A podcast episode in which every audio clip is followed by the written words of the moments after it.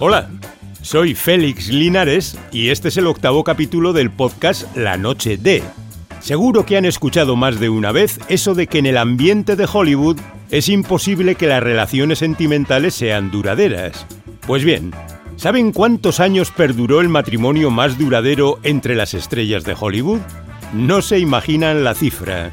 Hoy les vamos a ofrecer la lista de los siete matrimonios y parejas más longevos de la meca del cine. Y ya les adelantamos que algunos de los nombres les van a sorprender. Además nos reiremos con una nueva entrega de doblajes castizos en la línea caliente. También estará con nosotros Michael Landon, el protagonista de La Casa de la Pradera. Se acaba de cumplir el 40 aniversario del final de esa serie y lo recordamos hoy desvelando el intrigante origen del cáncer que mató a Michael Landon. ¿Qué causó ese cáncer? Enseguida lo descubrirán. Y para empezar, vamos con Matthew McConaughey, un hombre que nos gusta mucho por talentoso, por guapo y por dar la cara. Y es que hace poco dio la cara exigiendo más control en la venta de armas tras un terrible tiroteo en una escuela de su pueblo natal. Ahora mismo les explicamos por qué nos gusta Matthew McConaughey. Eso es genial. Matthew McConaughey nos gusta a todos para empezar porque es muy guapo. Es un atlético hombretón de pelo castaño, ojos marrones y metro ochenta y tres, tan seguro de su atractivo que ha mostrado el torso desnudo en 17 películas nada menos. Y ya era guapo en sus años mozos. Por eso fue nombrado el alumno más guapo de su instituto. Pero más allá de su belleza, hay razones mucho más serias por las que este actor nos gusta a todos. ¿Qué has dicho, colega?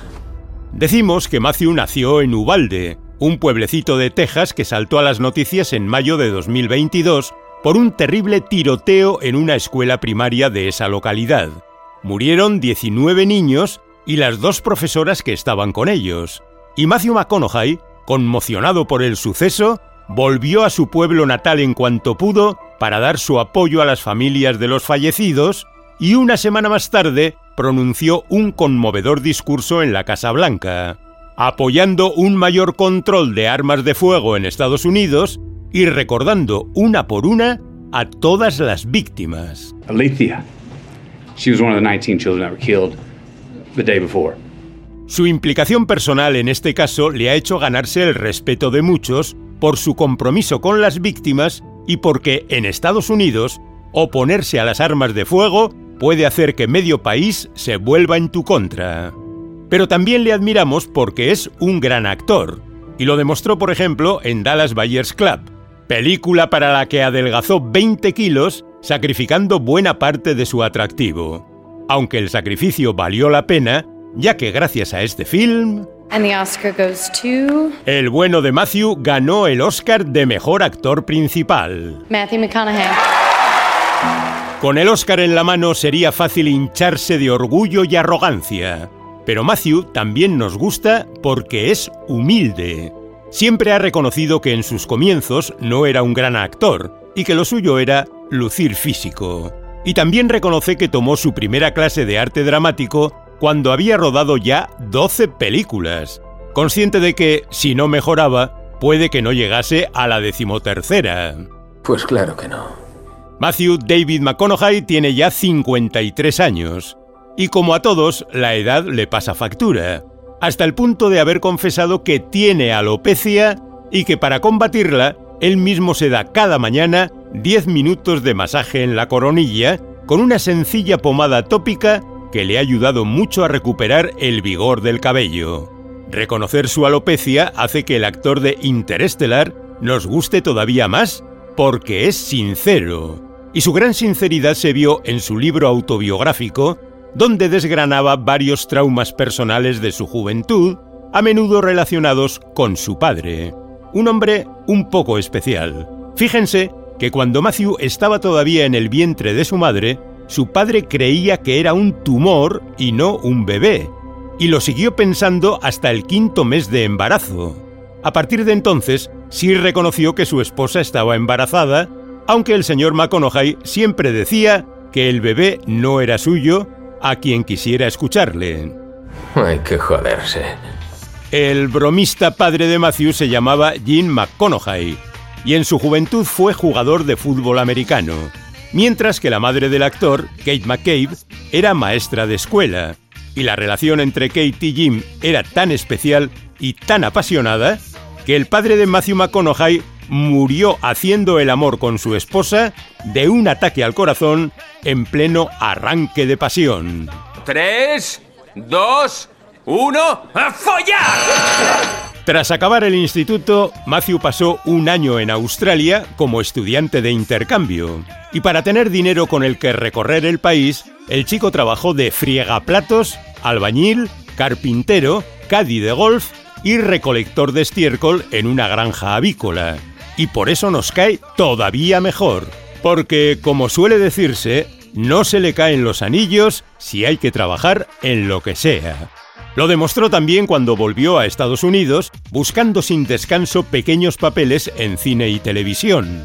Con 21 años de edad, debutó haciendo de víctima en una de las típicas reconstrucciones de crímenes de la teleserie Misterio sin resolver.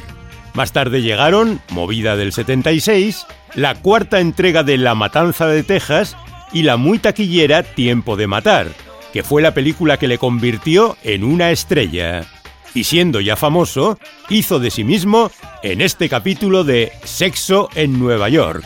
Gracias, Matthew McConaughey. De nada. Carrie Bradshaw. Pero conste que ofreció una versión paródica mostrándose en esta serie como un perfecto imbécil, lo que le hizo ganar puntos ante sus fans por demostrar que tiene sentido del humor, y del humor pasamos al amor para presentarles a su esposa. ¿A quién? ¿De quién hablas? Hablamos de Camila Alves, actriz y modelo brasileña, 13 años más joven que Matthew. El actor y la modelo llevan 11 años casados, tienen tres hijos y parecen una familia tan unida que no son pocos los que admiran aún más a Matthew McConaughey por ser un buen padre y marido, o al menos por parecerlo. Quiero escuchar un amén. Dejamos a Matthew para ir con la línea caliente, la sección en la que ustedes preguntan y nosotros respondemos. Y nos han preguntado sobre los doblajes castizos. Esos doblajes disparatados en los que los dobladores se inventan casi todo, ignorando los diálogos originales. Ya hablamos de ello en un podcast anterior, pero tenemos nuevos ejemplos que les van a hacer reír. Es nuestra línea caliente. ¿Cuál es la escena más divertida con doblaje castizo? Ya escuchamos unas cuantas hace un mes, pero ustedes nos han pedido nuevos ejemplos. Y quizá el ejemplo más divertido está en una escena muy especial de El príncipe de Bel Air. Pero ojo, porque no hablamos de una de esas escenas en que le pusieron acento andaluz al protagonista. Pisa no sabe si sea. Ni de cuando metían frases hechas que no estaban en la versión original en inglés. Te lo juro por Arturo Inmaduro. Ni de las referencias a anuncios de televisión muy conocidos aquí, pero no en Estados Unidos. Los vasos tienen manchas. ¡Oh, Dios mío! ¡Una solución quiero! Todas esas escenas son ejemplos de chistes añadidos por los dobladores para aumentar todavía más las carcajadas aquí. Pero la mayor licencia de doblaje que se pudo escuchar en El Príncipe de Bel Air fue la del episodio 146 cerca ya del final de la serie, cuando los dobladores se atrevieron a meter un chiste privado que solo ellos podían entender. Lo hicieron en esta escena. Escuchen con atención. Yo soy Iván el Muelas. Will Smith ha dicho, yo soy Iván el Muelas. Y ese era el chiste privado porque el doblador de Will en esta serie y en casi todas sus películas se llama Iván Muelas. Y ya que la escena del príncipe de Bel Air transcurría en un dentista y que los personajes se ponían una muela en la cabeza, los dobladores no pudieron resistirse a la tentación de hacer un chiste privado sobre el propio Iván Muelas. Yo soy Iván el Muelas. Teleseries al margen nos han preguntado en la línea caliente si también hay doblajes castizos en películas de cine. Y desde luego que los hay.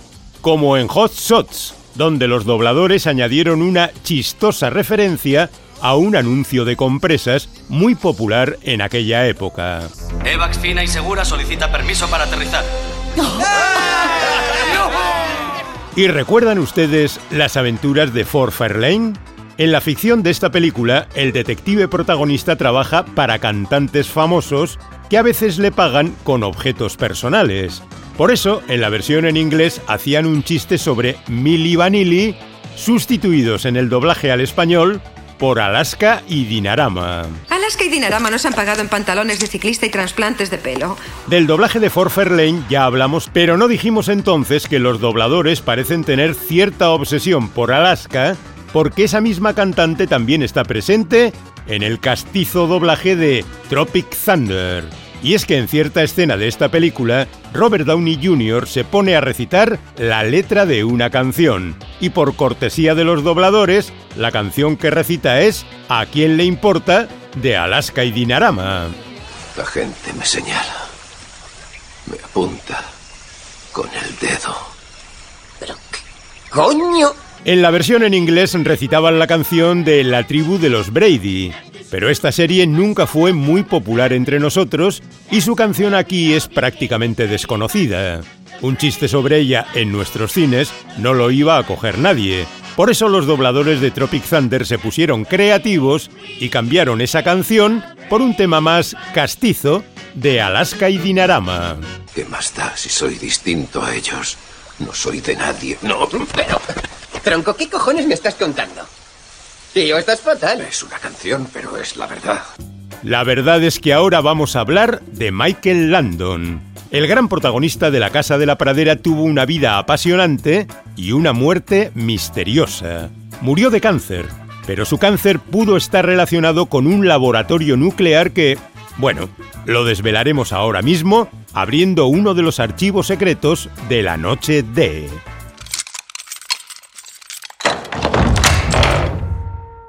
Abriendo el archivo secreto de hoy sabremos cuál fue el origen del cáncer que mató a Michael Landon. Un cáncer, como veremos luego, asombrosamente relacionado con la Casa de la Pradera, quizá la serie más famosa del siempre bonachón Michael Landon. Y hablamos de su vida y de su muerte porque se acaba de cumplir el 40 aniversario de la emisión del último capítulo de La Casa de la Pradera. ¿Te gusta la casa? Sí. Sí. Al fin la tenemos. Antes de esta serie, el joven Michael triunfó con Bonanza y justo después de La Casa de la Pradera volvió a triunfar con otra famosa teleserie, Autopista hacia el cielo. Pero cuando esta serie acabó y preparaba una nueva, al actor le diagnosticaron de repente un cáncer de páncreas tan avanzado que los médicos le dieron tan solo un minúsculo 3% de probabilidades de sobrevivir. Y aún así, anunció en una entrevista en televisión que iba a luchar contra la muerte hasta el final. A pesar de su optimismo, su cáncer de páncreas se extendió al hígado, al estómago y a los ganglios linfáticos, y Landon murió tan solo dos meses después de aquella entrevista, con 54 años de edad. ¿Dónde está? En el cielo. Pero lo más inquietante es que su cáncer pudo estar relacionado con un misterioso laboratorio nuclear que estaba prácticamente al lado del plató de la Casa de la Pradera. ¿Qué? Lo que oyen, y enseguida les daremos más detalles. Pero antes sepan que Michael Landon cuidó mucho su aspecto, incluso en sus últimos meses de vida, haciendo buena su fama de vanidoso. Con una estatura de 1,75 m, siempre llevaba alzas en los zapatos para parecer más alto. Desde muy joven se teñía el pelo para darle un color perfecto y pasaba horas en la peluquería de los estudios para dar volumen a su ondulada cabellera. Está bien. Ahora échese. Y consciente de su buena forma física, en la Casa de la Pradera exigía a los guionistas que buscaran excusas para hacerle salir con el torso desnudo a la menor oportunidad. Un torso musculoso y fornido, fruto de los años en que este actor fue atleta de élite. Le doy mi palabra. Es la palabra de Eugene Morris Orovich, así se llamaba en realidad. Nació en el barrio neoyorquino de Queens y desde muy joven brilló en el singular deporte de lanzamiento de jabalina. Era tan bueno que con 13 años de edad le nombraron atleta juvenil del año. Todavía en el instituto logró el récord nacional de jabalina en su categoría y obtuvo una beca deportiva para ir a la universidad. Se lo tomaba tan en serio que entrenaba seis días a la semana. Por desgracia, al poco de cumplir 18 años, sufrió una gravísima lesión de hombro que le alejó para siempre del deporte de élite. No tiene muy buen aspecto. No he venido aquí a hablar de mi salud. Probó suerte entonces en el mundo del espectáculo, siguiendo los pasos de sus padres. Y es que su padre era manager teatral y su madre era corista de Broadway. Con su ayuda y sus contactos, logró el chico sus primeros papeles como actor y adoptó su nombre artístico de una curiosa manera, escogiéndolo al azar en el listín telefónico. Él mismo contó muchas veces que abrió un listín con los ojos cerrados en una página cualquiera, puso el dedo sobre la página y bajo el dedo encontró el nombre de Michael Landon. Ayúdeme, doctor, por favor. No deje que nadie vea en lo que me he convertido. Ayúdeme, por favor. El joven Michael se convertía en hombre lobo en su primera película. Yo fui un hombre lobo adolescente. Enseguida le llegó la fama con los 430 capítulos de la teleserie Bonanza y encadenó este éxito mundial con el de La Casa de la Pradera, un proyecto muy personal para Michael Landon porque fue productor de la serie, director de muchos capítulos y guionista de algunos de ellos, además de actor principal. Era su serie y en ella trabajó casi cada día los nueve años que estuvo en antena. Ha sido como escalar una montaña y alcanzar la cima. Pero en esos nueve años pudo estar el origen del cáncer que mató a Michael Landon, porque cerca del plató estaba el laboratorio nuclear de Santa Susana, un laboratorio secreto del gobierno estadounidense con un centro para experimentos nucleares a solo 20 kilómetros de donde se grababa La Casa de la Pradera. ¿Cómo he podido ser tan ciego? Los terrenos del laboratorio cubrían una superficie de 2.500 acres en los que hicieron toda clase de experimentos para el ejército y para la NASA. Lo mismo probaban allí cohetes espaciales que reactores nucleares, y también almacenaban residuos radiactivos de distintas pruebas y experimentos. ¿Ah, sí? Sí. Pero lo más grave ocurrió el 12 de julio de 1959 durante las pruebas de un reactor de sodio experimental. El núcleo del reactor se calentó demasiado, sufriendo grietas en la estructura y liberando en el aire partículas radiactivas de plutonio y estroncio, muchas de las cuales acabaron depositándose en la misma zona donde se grabó, años después, la Casa de la Pradera. Toda esta zona es salvaje.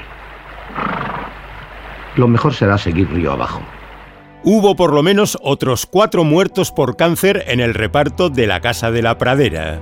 Pero no queremos quedarnos hoy con el drama, sino con los buenos momentos que nos dejó Michael Landon, un hombre tan familiar como sus teleseries, porque tuvo nueve hijos a lo largo de tres matrimonios. Para una familia tan extensa, seguro que necesitó una casa más grande que la diminuta casita de la Casa de la Pradera. Vámonos a casa. De los tres matrimonios de Michael Landon, el más duradero fue el enlace con la actriz Lynn Noé. Estuvieron 19 años casados. Puede parecer bastante tiempo, sobre todo en el ambiente de Hollywood. Pero por increíble que parezca, en la meca del cine ha habido matrimonios que duraron 50, 60 y casi 70 años. En esta lista está, por ejemplo, Gregory Peck, que se enamoró de una periodista que le estaba entrevistando. Con él empezamos nuestra lista de los siete grandes amores de Hollywood. Amar significa no tener que decir nunca lo siento.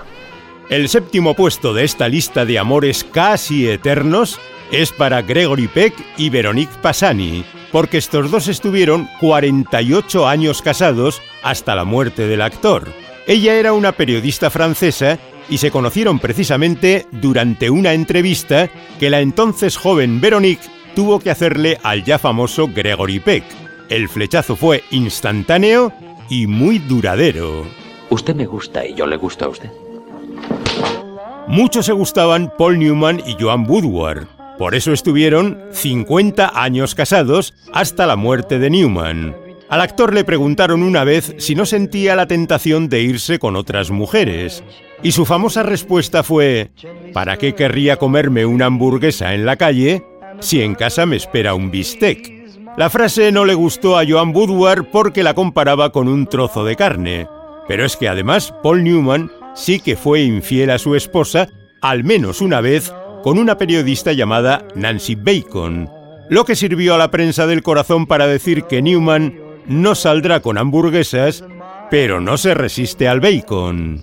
Errores. Todos los cometemos, Dios lo sabe. El quinto puesto es para la actriz Lily Tomlin y la escritora Jane Wagner, porque estas dos mujeres llevan ya 51 años juntas como pareja. Lily Tomlin es una respetadísima comediante que fue nominada al Oscar de Mejor Actriz Secundaria por Nashville y que ha triunfado en los últimos años con Jane Fonda en la telecomedia Grace y Frankie. Y la esposa de Lily, Jane Wagner, es escritora y guionista. Se conocieron al comienzo de sus carreras cuando Jane escribió el guion de uno de los primeros programas de humor que hizo Lily. Y llevaban ya 41 años juntas cuando se casaron en 2013 tan solo unas semanas después de que se aprobara en California el matrimonio entre personas del mismo sexo. Los matrimonios no se rompen por culpa de la infidelidad. Eso solo es un síntoma de que algo va mal. ¿Ah, sí? Pues ese síntoma se está follando a mi mujer. El cuarto puesto en esta lista es para el actor Billy Crystal y Janice Goldstein, tan enamorados que el famoso cómico y su esposa llevan ya 53 años casados. Se conocieron en el instituto, siendo todavía un par de adolescentes, y el protagonista de Cuando Harry encontró a Sally siempre ha dicho que su mujer es la primera y única novia que he tenido en mi vida. Oigo bien, ¿o es que todavía me dura la resaca? Lo han oído bien. Y oigan también que Robert Mitchum y Dorothy Spence aguantaron 57 años casados sobreponiéndose a las muchas infidelidades del actor y al escándalo que se armó cuando Michun estuvo 60 días en la cárcel por posesión de marihuana. Y en posesión del segundo puesto están Charlton Heston y Lydia Clark, que estuvieron 64 años casados hasta la muerte de Heston. Lo curioso es que se casaron tan solo unos días antes de que el entonces joven Charlton Heston se alistase para luchar en la Segunda Guerra Mundial. Ante el peligro cierto de que él muriese en el frente, decidieron casarse antes. Dios del pueblo, yo te corono. Pero no podemos coronar al actor de Ben Hur y a su mujer como campeones de esta lista, porque pese a sus 64 años casados, hay otra pareja del Hollywood clásico que tuvo un matrimonio todavía más largo. Y así, el número uno de esta lista de amores casi eternos es para Kirk Douglas y Ann Bidens, porque el mítico protagonista de Espartaco y su esposa estuvieron 66 años casados. Casi no puedo creerlo. Pues créanlo, porque es cierto. Y lo curioso es que cuando se casaron ya eran mayorcitos y habían pasado por otros matrimonios. Pero aún así, lograron el récord de ser el matrimonio más duradero de Hollywood porque ambos murieron siendo muy, muy ancianos.